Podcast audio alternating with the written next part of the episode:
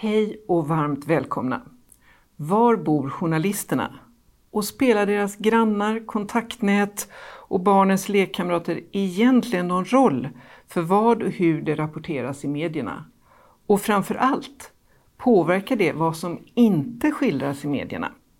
Det är frågor som vi ska diskutera idag med utgångspunkt i vår nya kartläggning Där bor journalisterna. Jag heter Ulrika Bäckfris och är föreståndare för Institutet för mediestudier. Materialet vi presenterar kan ni ladda ner från vår webbplats mediestudio.se. Där, eller där ni lyssnar på poddar, kan ni också följa alla våra seminarier. Det är fjärde gången som Mediestudier har kartlagt var journalisterna bor. Förra gången var för fem år sedan, 2018, och de två andra gångerna var 2015 och 2007. Och för att försöka förstå bostadsortens betydelse tar vi hjälp av en panel med olika infallsvinklar.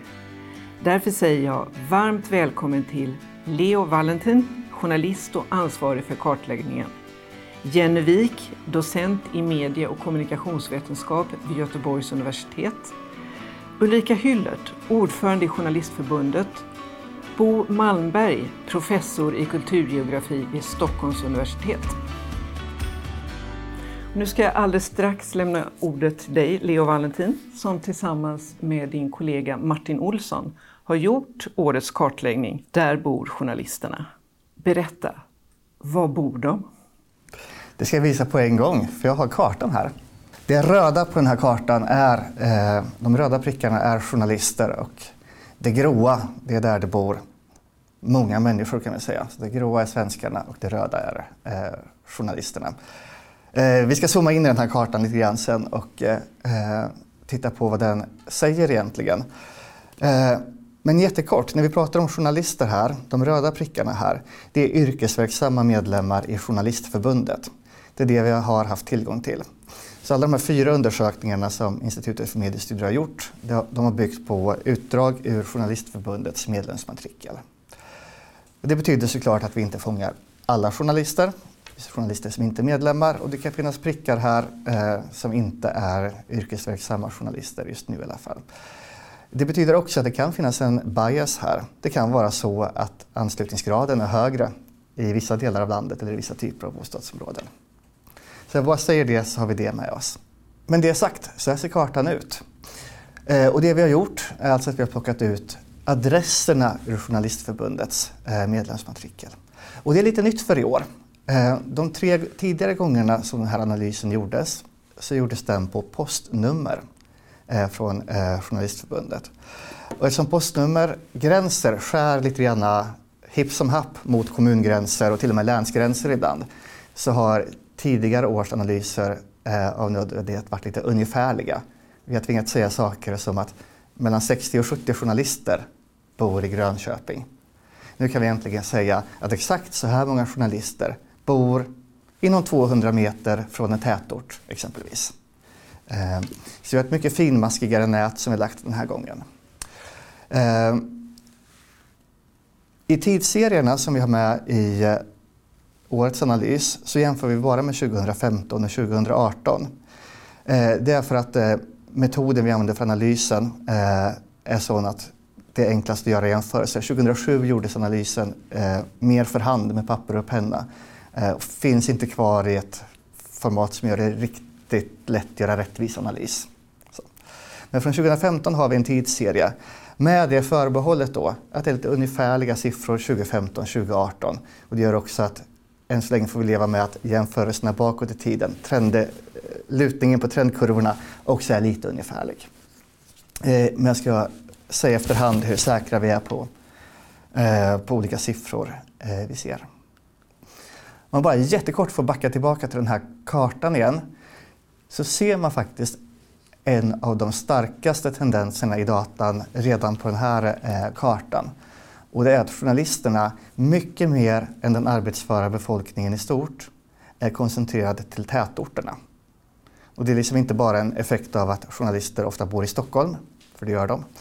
Eh, utan tittar vi ut i landet, län för län eller kommun för kommun, så är det så nästan överallt i landet att, att journalisterna i större utsträckning bor i de stora centralorterna och i större tätorter eh, än befolkningen i stort. Och det gäller även Stockholm. Där, låt oss börja med det, för det här är det som folk först frågar när vi pratar om den här undersökningen. Ja, journalisterna bor fortfarande i väldigt stor utsträckning på Södermalm i Stockholm. Men den här snedfördelningen som vi ser här, att journalister Södermalm är tätbefolkat men, men journalisterna bor mer än, än stockholmarna eh, på Södermalm så att säga. Eh, den här snedfördelningen är inte på något sätt unik för Stockholm egentligen. Man kan faktiskt hitta städer med så att säga, värre snedfördelning eh, mellan olika stadsdelar, mellan olika halvor av staden och sådär. Men vi har en kombination här av att det bor väldigt många journalister i Stockholm att Södermalm är tätbefolkat till att börja med och att vi har en snedfördelning mellan stadsdelarna i Stockholm som gör att just på Södermalm så blir liksom anhopningen av prickar väldigt stor och vi får den här lite slagkraftiga bilden som vi ser framför oss nu. Så ja, eh, så är det. Jag ska säga någonting om de här prickarna också. Vi har flyttat dem.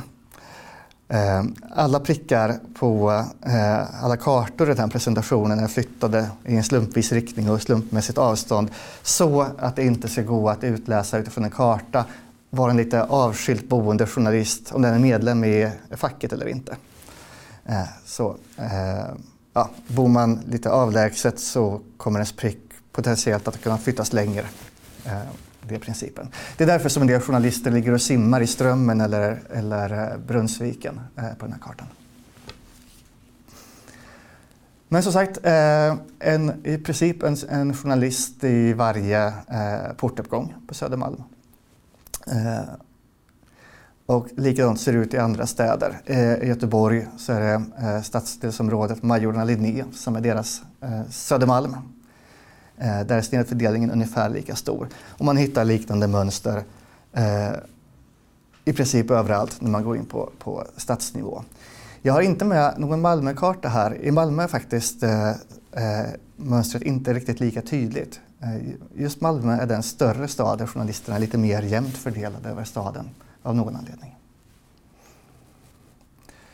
Om man vill med sig en liten faktoid härifrån så kan man, kan man eh, berätta för sina vänner att det numera bor fler journalister på Södermalm i Stockholm än i hela Norrland.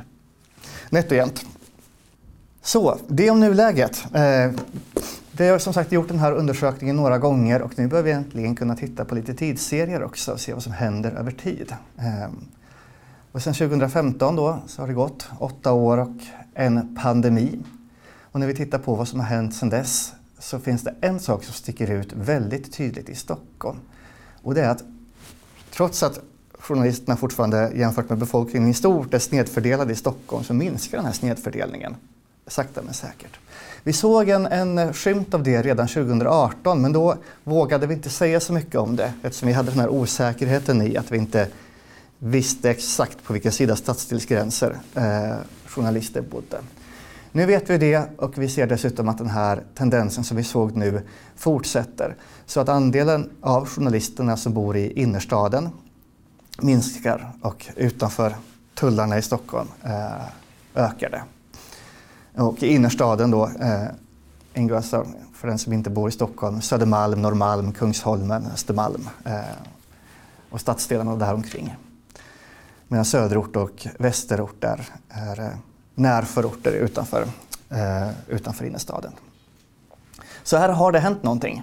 Jag vet inte, vet inte vad, men, men nu kan vi eh, med de här mer exakta siffrorna vi har i år åtminstone säga att det är en eh, reell förändring som har, som har skett. Om vi tittar på absoluta tal, på antal journalister i olika eh, stadsdelar i Stockholm. Och det som är eh, highlightat här, det som är svart och läsbart, i de stadsdelar där det har rört sig mest. Om vi tittar på, de, på antalet journalister så får vi åtminstone kanske en liten, liten eh, ledtråd till vad som har hänt. För det är inte bara så att journalister har flyttat inom Stockholm. Det är säkert en del av förklaringen här. Men det finns en underliggande mycket, mycket starkare trend i datan och det är att antalet journalister minskar snabbt. Och det vi ser här det är att de i Stockholm då minskar mest på Södermalm. Så kanske är det så att, att eh, den här utjämningen av, av, av eh, adresser inte bara beror på att man flyttat Utan en förklaring kan det också vara att eh, man slutar vara journalist i högre grad på Södermalm i Stockholm. Vi gissar att det är så, för att annars skulle det vara väldigt många journalister som har flyttat på ganska kort tid. Men det vet vi inte. Den här minskningen är heller inte, eh, ska jag säga, något Stockholmsunikt. Så här ser det ut i hela landet. Eh, den översta mörkblå kurvan där det är antalet journalister i Journalistförbundets medlemsmatrikel vid de här tre tillfällena när vi har plockat ut data därifrån senast. Eh, och som jämförelse ligger eh, statistik från SCB som en ljusblå kurva under. Det är deras statistik som baseras på yrkesregistret. Eh, och eh, där kan vi se att de följer ungefär samma, samma eh, trend, sakta nedåtgående. Ehm, så den här minskningen beror då inte på en minskad anslutningsgrad utan på ett, att det faktiskt är färre personer som jobbar som journalister. Det stämmer med vad Journalistförbundet eh, själva säger också, att, att de tror att eh, det finns en rejäl minskning bakom här. Sen vet jag att eh, eh Journalistförbundet har berättat att de har sett en utplaning av den här nedgången i början av det här året. Eh, jag tror till och med att det var så att antalet journalister, yrkesverksamma journalister i SEF ökade lite under första halvåret i år. Eh, men den underliggande trenden är nedåtgående. Och det ser likadan ut i stort sett eh, över hela landet. Här har vi länen utanför storstadslänen. Återigen highlightat de län där det rör sig mest. Det är ganska stora eh, regionala skillnader här. Eh, vi vet inte riktigt varför. Vi har inte pratat med någon intervjuperson som riktigt har kunnat förklara alla de här regionala skillnaderna. Men det är i många län ganska små siffror. Så att det, det får såklart stort genomslag här om en säg, enskild folkhögskola lägger ner sin journalistutbildning eller om Anderkoncernen, Nya Värmlands Tidningens ägare, satsar på sina lokaltidningar i Värmland så får det såklart som ett kan det få ett ganska betydande avtryck på den här kurvan eh, i Värmlands län. Eh, och faktum är att om vi bryter ner det här ännu mer eh, och tittar på det eh, på kommunnivå till och med så kan vi åtminstone anekdot, anekdotiskt säga att de här skarpaste nedgångarna och uppgångarna ofta linjerar med nedlagda utbildningar eller satsningar på nya redaktioner eller så. Värmland sticker ut här. Eh, där har faktiskt antalet journalister ökat sedan sist av någon anledning. En effekt av den här nedgången är eh, att vi har en annan liten faktoid här. Nu bor varannan journalist i Sverige i Stockholms län. Den tröskeln har vi passerat sedan sist. Och det är då en effekt av att antalet journalister minskar, minskar överallt, men de minskar snabbare ute i landet. Eh, och så ser det också generellt ut när vi bryter ner de här siffrorna eh, mer lokalt, mer regionalt och mer lokalt. Att, att eh, minskningen är generellt sett större där det redan från början bodde ganska få journalister. Med några lokala undantag. Ja, här står det vi eh, sa i början att journalisterna är mer koncentrerade till tätort än svenskarna i stort och att det gäller även utanför eh, storstadslänen. Det är ett sätt att uttrycka det på. Man kan också uttrycka det som att journalisterna bor där det finns eh, arbetsplatser och redaktionerna ligger i de stora tätorterna. Eh, Institutet för mediestudier har också en databas över landets alla lokalredaktioner eh, som vi såklart har kört mot den här datan och, eh, och där är det ju tydligt att, att eh, eh, personerna i den här undersökningen bor nära där jobben finns. Eh, vi har tittat lite grann på antalet och andelen journalister som bor i vita fläckar, kommuner, kommuner utan en redaktion. Eh, för att se ifall det eh, skett någon förändring där. Det har det inte. Det är fortsatt så att där bor det, finns det ingen redaktion så bor det väldigt få journalister där, eller inga alls. Däremot då så ökar antalet journalister på en del, i en del små kommuner i samband med att Eh, det dykt upp redaktioner där, till exempel till följd av vita fläckar-stödet. Den här frågan tänkte jag inte svara på. det, det vet vi inte. Vem den typiska journalisten är vet vi inte. Men det vi kan säga ganska mycket om i den här undersökningen det är vem den typiska journalisten träffar på barnkalasen. I vilken slags miljöer journalisten rör sig. Eh, vi har brutit ner den här eh, datan på små statistiska områden och kört den mot olika statistiska parametrar för att kunna säga någonting om miljöerna som journalisterna finns i till vardags. Två tydliga tendenser är att journalister i hög grad bor i flerbostadshus och i villa. Men det beror på var man bor. Det är nämligen så att i de allra största städerna där bor journalisterna i högre grad än i befolkningen i övrigt i eh, lägenheter i flerfamiljshus. Det är de allra största kommunerna. Ena halvan ungefär av journalistkåren bor i sådana såna kommuner. Och sen så fort man kommer utanför Stockholm, Göteborg, Malmö, Solna, Sundbyberg, sådana kommuner, så är det tvärtom. Då bor journalisterna i större, i större utsträckning än befolkningen i stort i villaområden. Småstad står det, här, står det här, men det behöver inte vara speciellt små städer. Bara du kommer någon mil utanför Stockholm till en förort som Haninge till exempel. Förortskommun till Stockholm. Eh, redan där så bor fler journalister i villa. Det bor sannolikt i villa som journalist trots att de flesta Haningebor faktiskt bor i lägenhet. Och, där, och från liksom Haninge och neråt i kommun, kommunstorlek är det så. Det här hänger ihop eh, med att journalisten bor i relativt välbärgade områden. delar över hela landet. Eh, tittar vi på en viktad med, medelinkomst på, på, per statistiskt eh, område, DSO-område för journalister, så det, det är liksom högre än för befolkningen i stort. Och vi ska titta på en massa andra eh, parametrar här också, utbildningsnivå, Eh, med mera, med mera. Men alla de här måtten säger i princip samma sak, som man bor i lite mer välbärgade områden än genomsnittssvensken. Eh, man har på samma sätt eh, privatanställda eh, grannar, relativt få offentliganställda personer bor i de områden där journalisterna är mest koncentrerade. Och även det gäller, inte bara i Stockholm utan även ute i landet. Tittar vi på de särskilt utsatta områdena eh, så är det också ett jättetydligt mönster. Där bor inte journalister, eller i väldigt, väldigt eh, liten grad. Just den här skärmdumpen, är, eller den här kartan är från Linköping. Eh, vi ser ju hur järnvägen skär som en kniv inom staden här. Det finns inte en enda prick norr om järnvägen. Återigen, det betyder inte att det inte bor någon journalist där. Alla prickar är flyttade så pass långt att det inte ska gå att säga med säkerhet att det bor eller inte bor eh, en eh, Journalistförbundet anställd yrkesverksam journalist i en viss stadsdel. Men mönstret blir väldigt tydligt eh, när man lägger upp det så här. Söder om järnvägen har vi är Linköping alldeles prickigt och norr om järnvägen inte alls. Så, så det här är liksom ungefär eh, den typ av bostadsområden som journalister eh, bor i. Och på det viset kan man då förstås säga att journalistkåren är skevt fördelad jämfört med eh, befolkningen i stort. Däremot betyder inte det att de är bor konstigt. Alltså de är skevt fördelade jämfört med befolkningen i stort. Men kanske inte i relation till andra svenskar med liknande utbildning eller samma typ av yrken. Då bor journalister eh, nog tvärtom, ganska typiskt.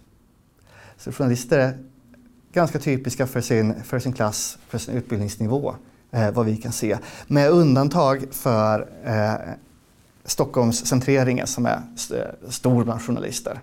Eh, och i Stockholm ligger också, ligger också de stora redaktionerna. Så.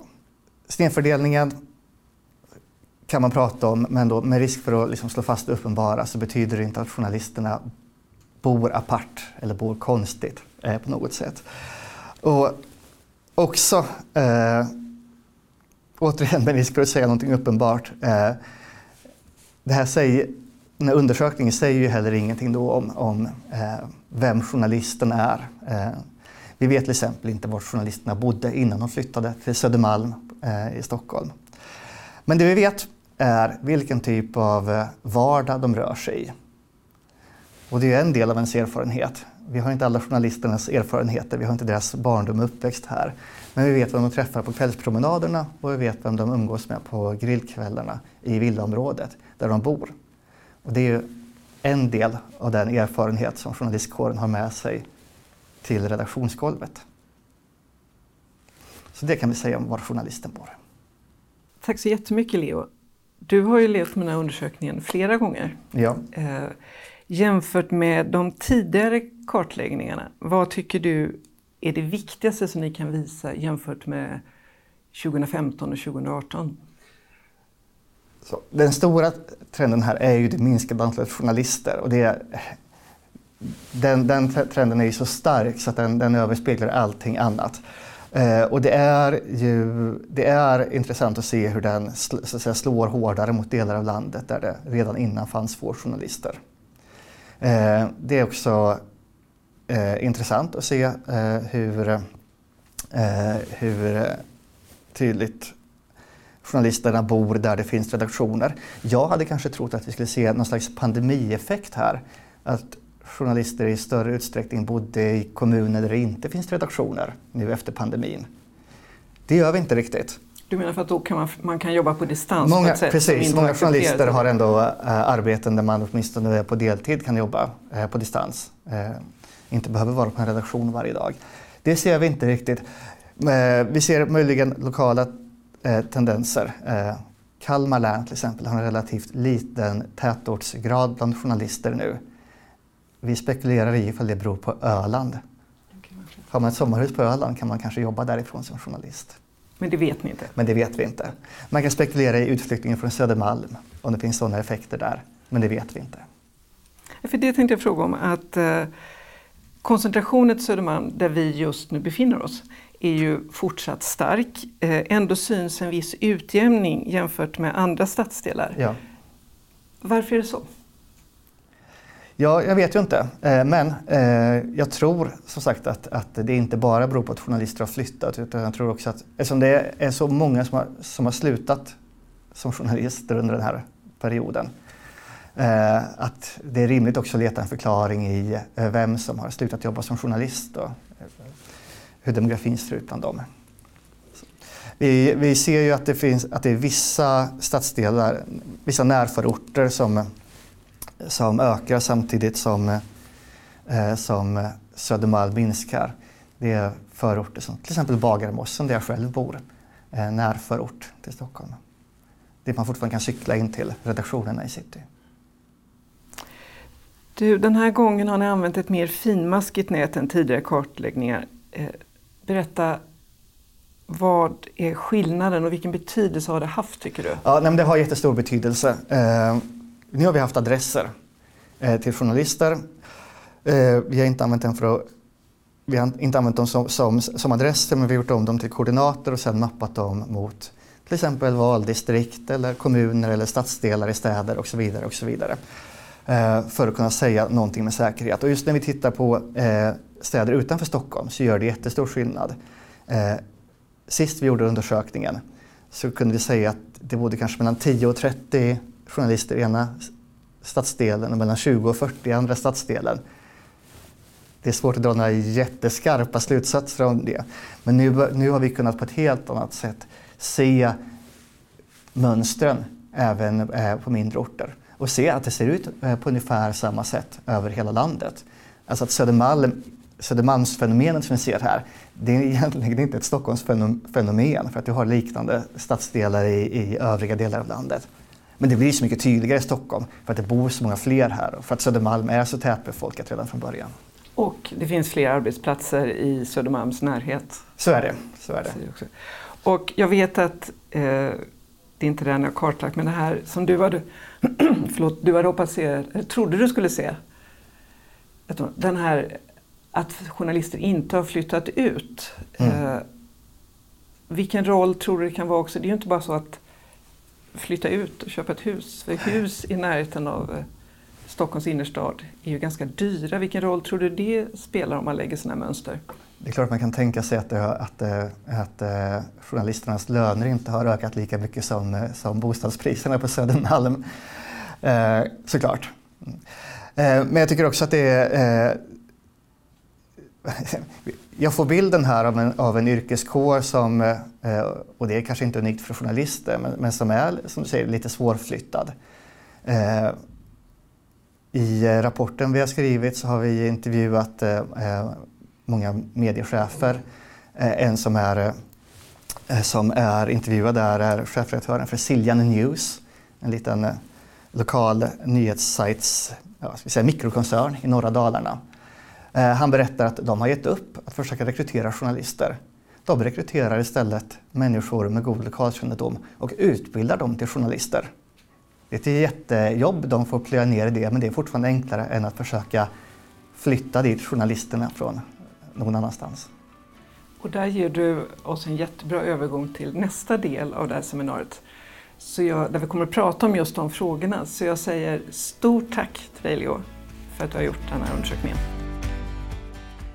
Mer än varannan svensk journalist bor alltså i Stockholm och allra helst på Södermalm. Deras kollegor som inte bor i huvudstaden bor oftare i en villa i en välbärgad tätort än andra yrkesgrupper. Så även om vi inte vet vem journalisten är vet vi alltså en hel del om hur journalisten bor. Och frågan är, spelar det någon roll egentligen? Och hur ser det ut för andra grupper? För att försöka förstå bostadsortens betydelse har vi en panel med oss här idag med helt olika infallsvinklar. Därför säger jag varmt välkommen till Bo Malmberg, professor i kulturgeografi vid Stockholms universitet. Jenny Wik, docent i medie och kommunikationskunskap vid Göteborgs universitet. Och Ulrika Hyllert, ordförande för Journalistförbundet. Välkomna! Tack. Tack. Först, helt kort, vad säger ni om det vi har tagit del av? Bo? Ja, för det första så är det, tycker jag jätteroligt att se att ni uppmärksammar geografin eftersom jag är geograf. Och det är väldigt spännande kartor och väldigt spännande resultat. Eh, vi ska lägga till att som, man inte, som syntes i kartan, inte minst över Stockholm, men som inte nämndes riktigt var att ni påpekade var journalisterna bor men inte var det var glest. För det finns ju andra väldigt tättbefolkade områden där det var otroligt få journalister. Och det är inte minst i de utsatta områdena där det bara, där det bara är enstaka prickar. Även fast det bor väldigt många människor där. Jenny, vad säger du? Eh, men det som är slående är ju eh, hur mycket journalisterna minskar i landet totalt. Så det är ju en viktig poäng tycker jag med det här resultatet. Men sen tycker jag också, håller med om att det är roligt eh, och viktigt att titta på det här. Jag har ju följt det här ända som en C-uppsats. Var bor journalister och vilka umgås man med och vilka är man? Därför att jag tror att det spelar en viss roll. Så att eh, det ser fram emot den här diskussionen. Ulrika, du har en inblick som få andra. Ja, för mig så det, det känns också som att målar upp eh, en bild av någon väldigt diffus person. Vem är den här journalisten? Men för mig så är ju det här levande personer, eh, självklart. Men eh, det jag tänker främst på är att det här speglar ju också var finns redaktionerna i landet och hur, eh, vilka kommuner är det inte som har någon journalist där det bor och det är ju ofta där det inte finns någon redaktion.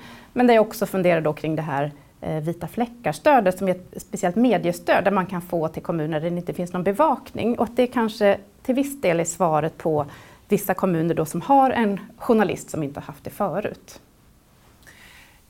Ni är inne allihopa lite grann på det här betydelsen av det så att jag biter mig fast lite i det och frågar hur tror ni att det påverkar innehållet i medierna, bostadsorten?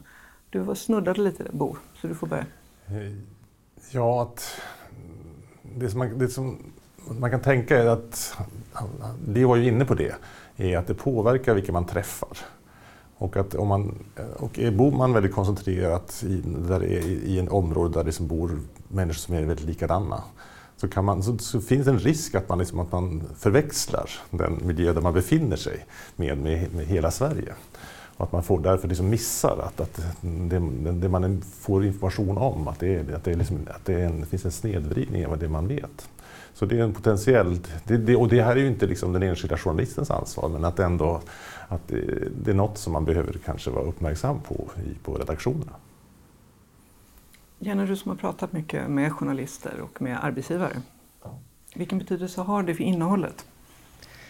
Jo, men alltså vi har ju pratat om representation på redaktionerna i 20-30 år och anledningen till det är ju för att vi tror att det har en viss betydelse. Precis som Bo säger att eh, det, vem du är som person och var du kommer ifrån kommer att styra lite grann vad du hör och vad du ser och vilka perspektiv som kommer till dig. Eh, om man umgås i väldigt likasinnade miljöer och sådär så missar man kanske andra perspektiv. Och det är ju inte så konstigt, det är fullt mänskligt och gäller inte bara journalister. Så att det är därför vi har jobbat väldigt mycket med på redaktionell nivå att försöka skapa en balans eh, mellan olika etnicitet och bakgrunder, åldrar, kön och så vidare.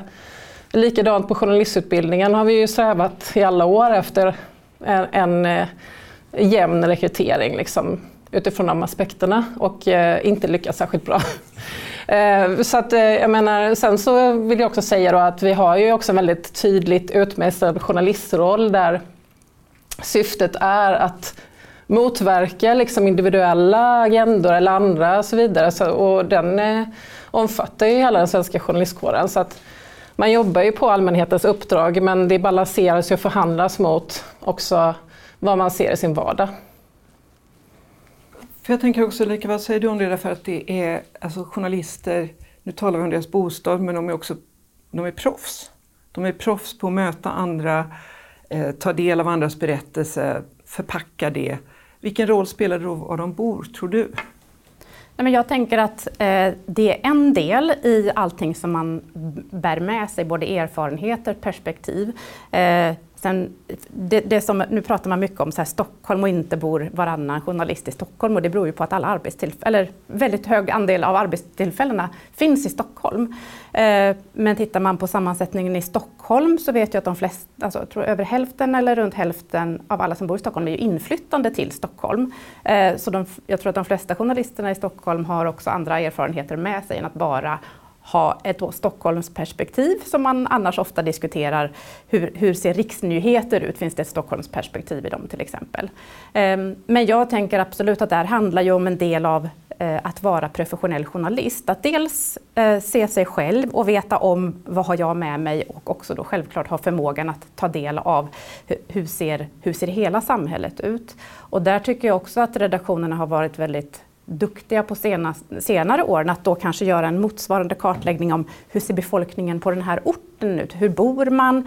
Eh, och eh, vad arbetar man med? Vad finns det för eh, inkomstskillnader och så vidare? För att liksom kunna berätta och spegla samhället på ett bra sätt. Så det handlar om en kompetens som varje journalist behöver ha. Att veta om hur ser målgruppen ut?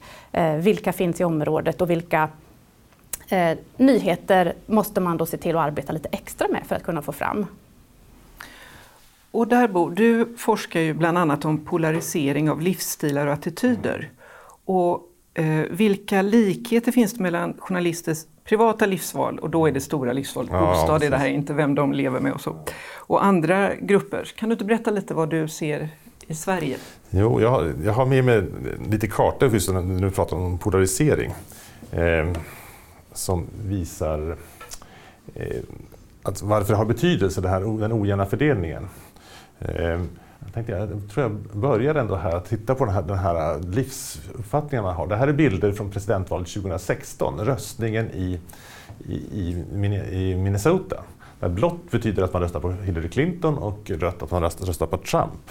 Och där vi ser otroliga skillnader här. Att tittar vi in i centrala Minneapolis så är det bara 5,3 procent som röstar på Donald Trump och 86 på Hillary Clinton.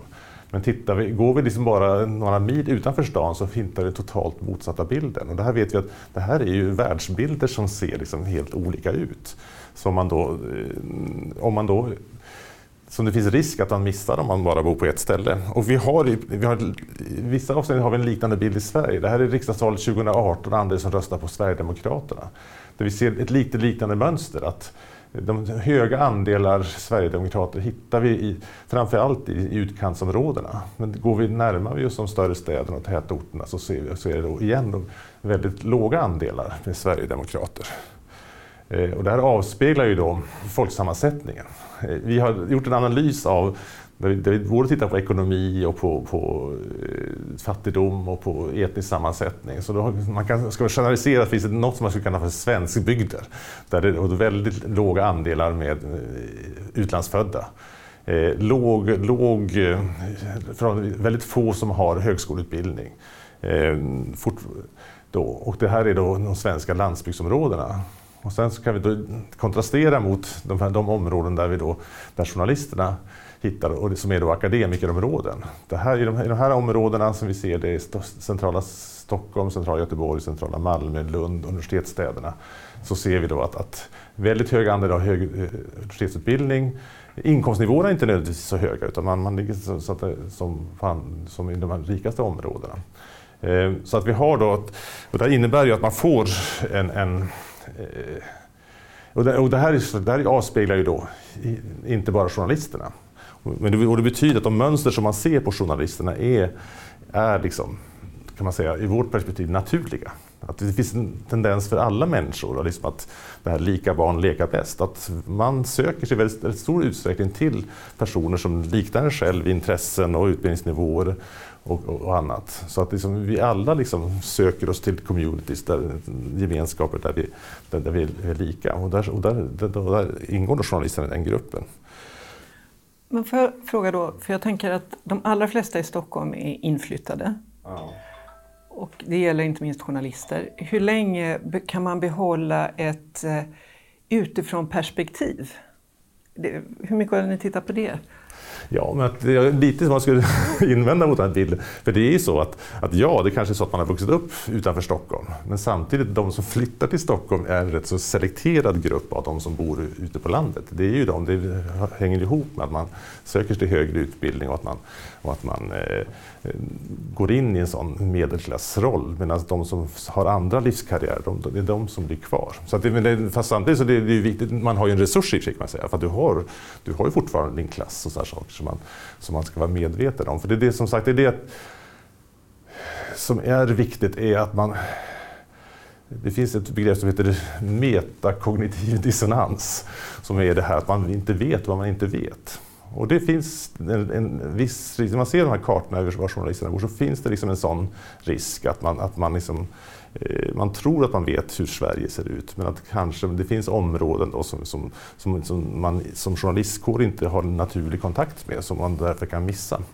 Eh, Möjligtvis att det, att det är mindre liksom, i, den rena, liksom, den rena nyhetsrapporteringen att journalister, men sen samtidigt så vet vi, liksom, alltså, man tittar, jag läser tidningar så växer liksom antalet krönikörer. Och om man tittar i de texterna så är det mycket mer att man tar, liksom, tar, liksom, tar sin vardagserfarenhet och så bedömer utifrån den. Och då ökar risken, tror jag, att man, att man får en sån här snedvridning. Att man inte är riktigt medveten om att ens erfarenhet kanske är lite, ligger lite snett ifrån, att, att den inte är representativ för hela landet, och hela, inte ens hela staden. Men jag skulle också vilja eh, liksom, ta en liten annan vinkel på diskussionen att som knyter tillbaka till det här med rekrytering och vilka det är som väljer att gå in i yrket överhuvudtaget. Att, eh, vi, vi ändå liksom pratar om journalistiken som en demokratisk institution. Eh, och det är därför det är viktigt med representation. Eh, för att Eh, inte bara för perspektiven som förmedlas utan också att ett så, ett så viktigt demokratiskt yrke inte ska vara stängt för vissa grupper. Eh, och det som vi ser är väl lite grann så här, en ökad medelklassighet och det är ingen kritik mot de människorna som, som är inne i yrket nu. Eh, utan snarare liksom att jag vill peka på att det kan finnas liksom problem med att om, om vissa grupper i samhället uppfattar det här som svårt att eh, nå, få access till eller svårt att gå in i av olika skäl, eh, då tycker jag att det är ett problem ur ett demokratiskt perspektiv.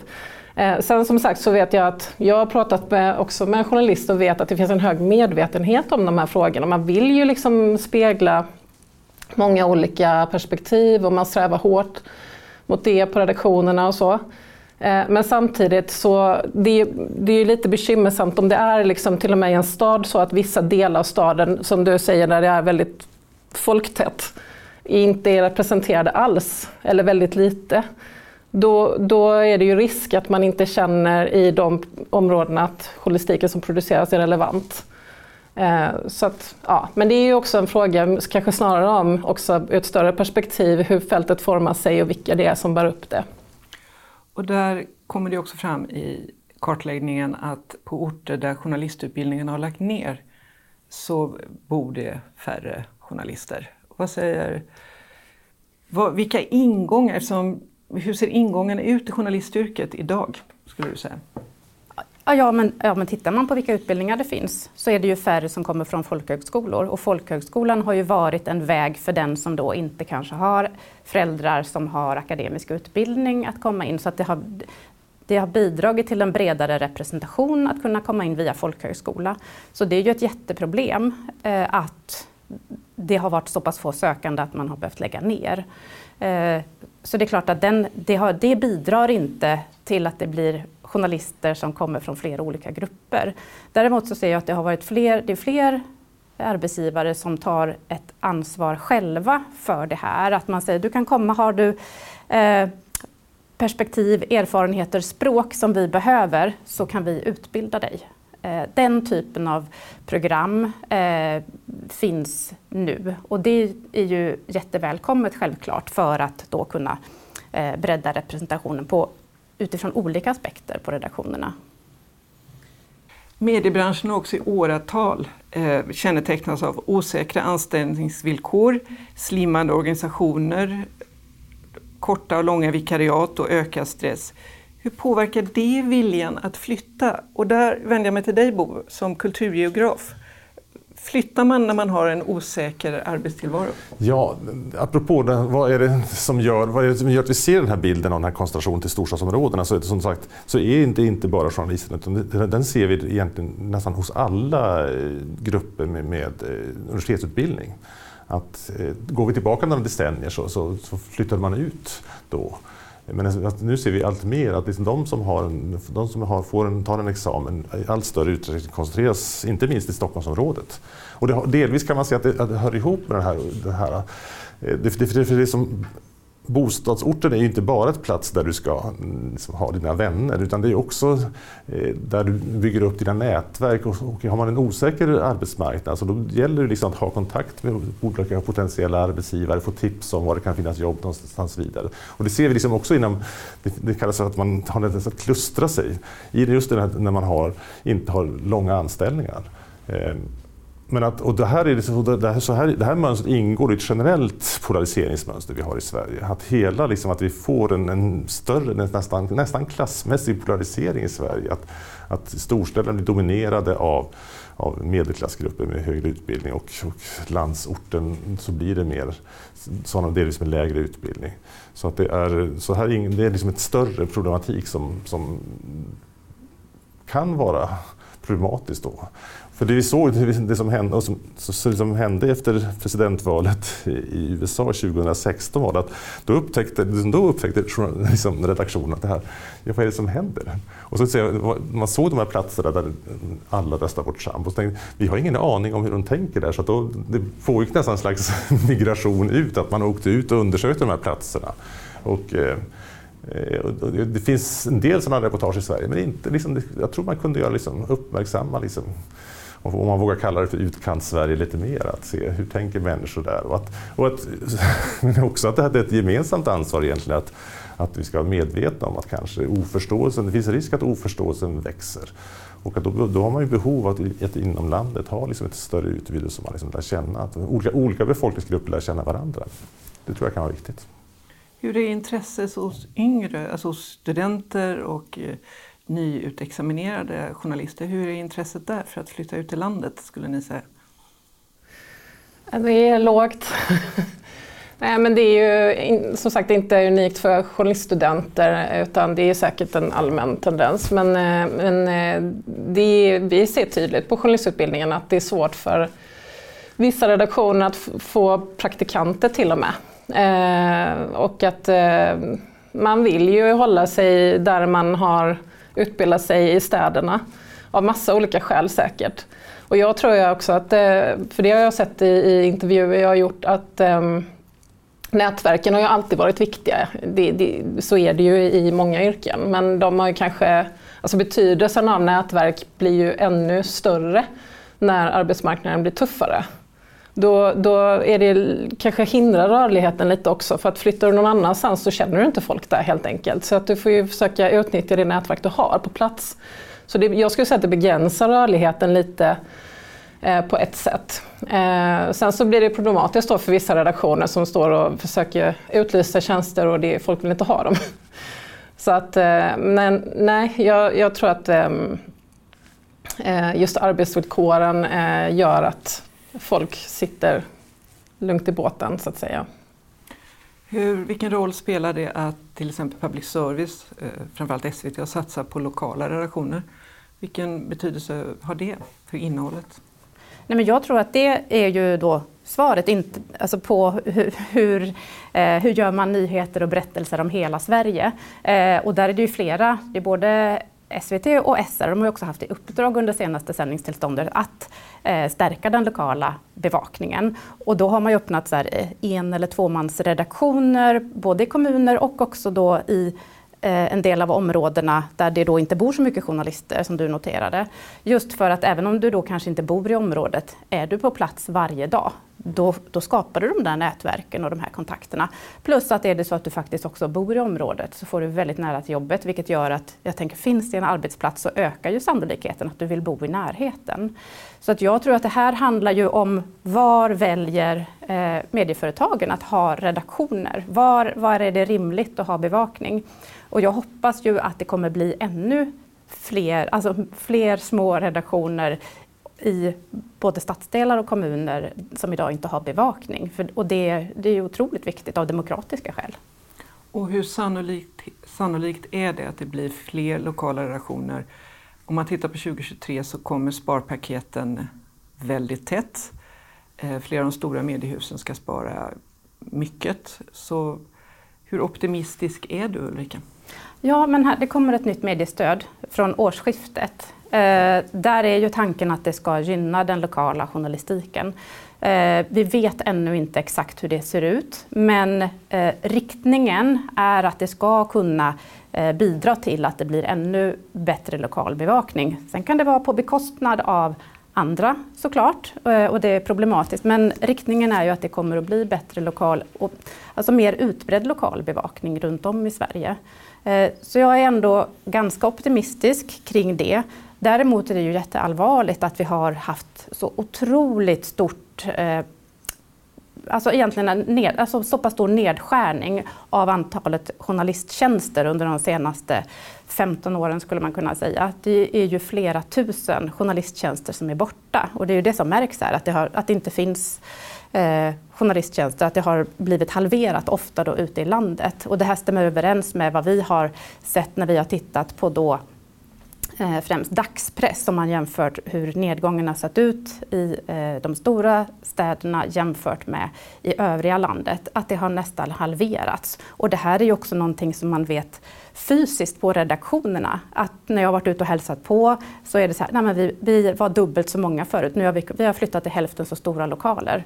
Eh, och så det är ju en realitet och det känns ju väldigt långt bort att kunna komma tillbaka till det. Så det är ju det allvarliga, eh, att vi har så mycket färre journalister i Sverige generellt. Borde säga att det här är en, man ser det i hela riket att det är en ökad polarisering. Men nu finns det ju då eh, en del mediejobb utanför Stockholm.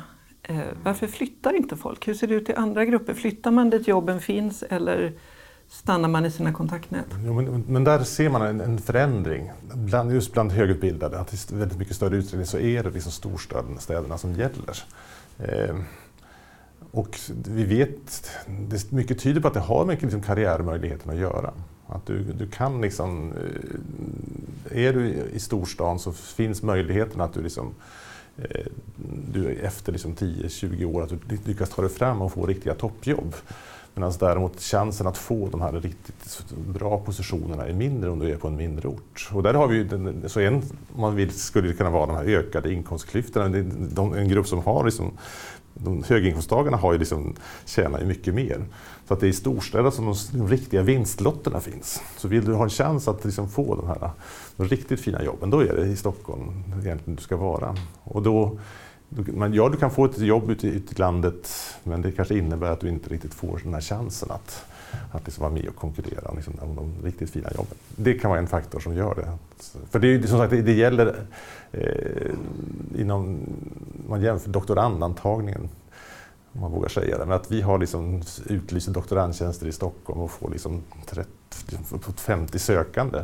Medan de i Umeå liksom nästa, ibland i vissa fall vissa ämnen inte får en enda sökande till doktorandtjänster. Och Umeå är ändå liksom rätt så stor stad så det, är, det, är en, det, är, det är en lite speciell process som pågår. Att, att, eh, att Stockholm håller på liksom att dra iväg från, från övriga landet på det sättet. Om jag har förstått det rätt så är det så att eh, trycket på journalistutbildningen i Stockholm och Göteborg eh, minskar inte så mycket. Däremot ökar avhoppen. Så att man börjar och så, nej det var inte det jag ville. Vad säger du om det? Ja, alltså Sett över tid så har ju trycket minskat betydligt på journalistutbildningen. Det har det. Ehm, alltså för 20 år sedan så var det ju väldigt högt tryck. Det var mycket högre tryck på kommunikatörsutbildningen på JMG. Ehm, men det är sant att eh, vi fyller våra platser med duktiga studenter och ehm, de får också jobb i hög utsträckning. Men det är ju som Ulrika nämnde, så på, på totalen så har ju journalistutbildningarna dragits ner över landet. Eh, vi producerar inte lika mycket journalister längre och det finns ju heller inte lika mycket jobb. Och eh, det finns också en eh, rädsla för, från många grupper av studenter att söka sig till journalistutbildningen. För att man har hört att det är en krisdrabbad bransch i så många år nu. Att det, det känns som en risk man tar, att ge sig in i branschen. Eh, och det är det ju för många ungdomar med. Att eh, det är inte jättelätt kanske idag att få en fast anställning inom fem år, vilket brukar vara, alltså att man, man har ett litet slack på fem år. Eh, att det kan ta längre tid. Eh, och det, det ses väl inte som superattraktivt. Och det gör också, det kan vi ju se då, att vi har ju alltid haft problem med snedrekrytering på journalistutbildningen. Det är inte så konstigt för det, det, det är ett medelklassyrke och det är baserat på språk och, och så vidare. Men det, det skrämmer ju bort kanske också ytterligare nu då arbetarklass och invandrargrupper och så för att man känner att vi behöver ha, för i de grupperna så är det viktigare med trygghet och stabilitet och veta att man får ett jobb när man har utbildat sig. Vilket man inte alls kan räkna med på samma sätt eh, som journaliststudent. Så att eh, det, det, det, är en ökad liksom, eh, skevhet i, i eh, de grupper som söker sig. Man kan lägga till där att, att, att om, en, om, en, grupp går tillbaka och inte hade det minskar, att för mig låter det, eftersom jag är så himla gammal, så låter det jättekonstigt liksom, att det skulle vara lätt att komma in på journalistutbildningen, ja. för det var ju det svåraste som fanns på 70-talet. Mm. Men se, tittar man då vad som har hänt på arbetsmarknaden så ser man att på 70-talet så var det liksom, eh, journalist det var ett yrke där du kunde liksom få liksom utlopp för liksom intellektuella intressen. Men tittar man idag så har vi en konsultmarknad som har liksom exploderat, som har liksom jättespännande jobb där du kan få jobba ihop med andra duktiga människor och göra eh, intressanta utredningar utredningar. Så att, att, så att för den, den, den, den, typen av personer så finns det idag mycket andra möjligheter. Att det är spännande jobb. Att journalist är inte lika unikt som det var en gång i tiden. Och det är klart att då, det, då, det, då, får man konkurrera hårdare om, om, om människorna. Vilka kartläggningar har ni gjort på vart går de som slutar som journalist? Eh, Arbetsförmedlingen tittar på det en del och till viss del så stämmer det ju då som det ser ut nu att man blir kommunikatör eller informatör men det finns även andra yrken som eh, dit journalister går eller har då gått för att man var tvungen. Eh, under de här åren när man skar ner så extremt mycket så behövde man byta yrke. Det som är intressant då, det var trots då att det försvann flera tusen journalisttjänster så var det inte någon eh, alarmerande arbetslöshet, även om det såklart är jättetufft för varje enskild person. Eh, och det är nog då för att journalistisk kompetens är gångbar i fler yrken. Man är duktig på att göra olika saker, man är kreativ och man är driven. Eh, så det har ju på något sätt, och, och det spelar ju också roll nu där vi vet att det finns kompetenta journalister som lämnar branschen eh, för att få högre lön, bättre arbetstider, bättre arbetsmiljö till exempel. Och här är det ju ett jättestort då utmaning för arbetsgivarna hur man då ska ha råd att kunna ha kvar de här personerna. Och där tror jag att det är flera olika saker man behöver göra. Men jag tänkte på en sak, det som vi har eh, sett när vi har tittat på eh, då sammansättningen av eh, våra medlemmar, eh, det är ju då färre, eh, eller så här, det är en högre andel personer som är under 30 Eh, i, som är medlemmar nu. Och det tror jag då att också finns en koppling till varför då det är färre journalister som bor i Stockholm i de här välbärgade områdena. Så att det finns ju en högre andel som också då tjänar mindre. För det är något vi har sett också, att lönerna för de som är under 30, de, hålls, de är ganska låga generellt och har liksom inte höjts genomsnittligt på samma sätt för de som är äldre. Och det här säger ju också någonting då om varför kanske lockar inte yrket, på, eller vad, vad behöver man göra i så fall för att eh, locka? Um, både unga för att flytta eller för att också vilja bli journalist. Eh, sen finns det flera olika faktorer som jag tror spelar roll kring hur man liksom ska lösa det här att det faktiskt är svårt på flera orter att eh, rekrytera journalister. Det, det, finns det flera faktorer som spelar in men det här är några tror jag. Jag tar med det sista du sa där, hur ska, hur ska man lockas att bli journalist och skicka med den till de som har möjlighet att påverka det. För nu är det dags att börja runda av. Och därför säger jag ett stort tack till er, Ulrika Hyllert, ordförande för Journalistförbundet, Jenny Wik, docent i medie och kommunikationsvetenskap i Göteborg och Bo Malmberg, kulturgeograf, professor i kulturgeograf vid Stockholms universitet. Stort tack till er och ett lika stort tack till er i publiken. Tack och hej, vi ses!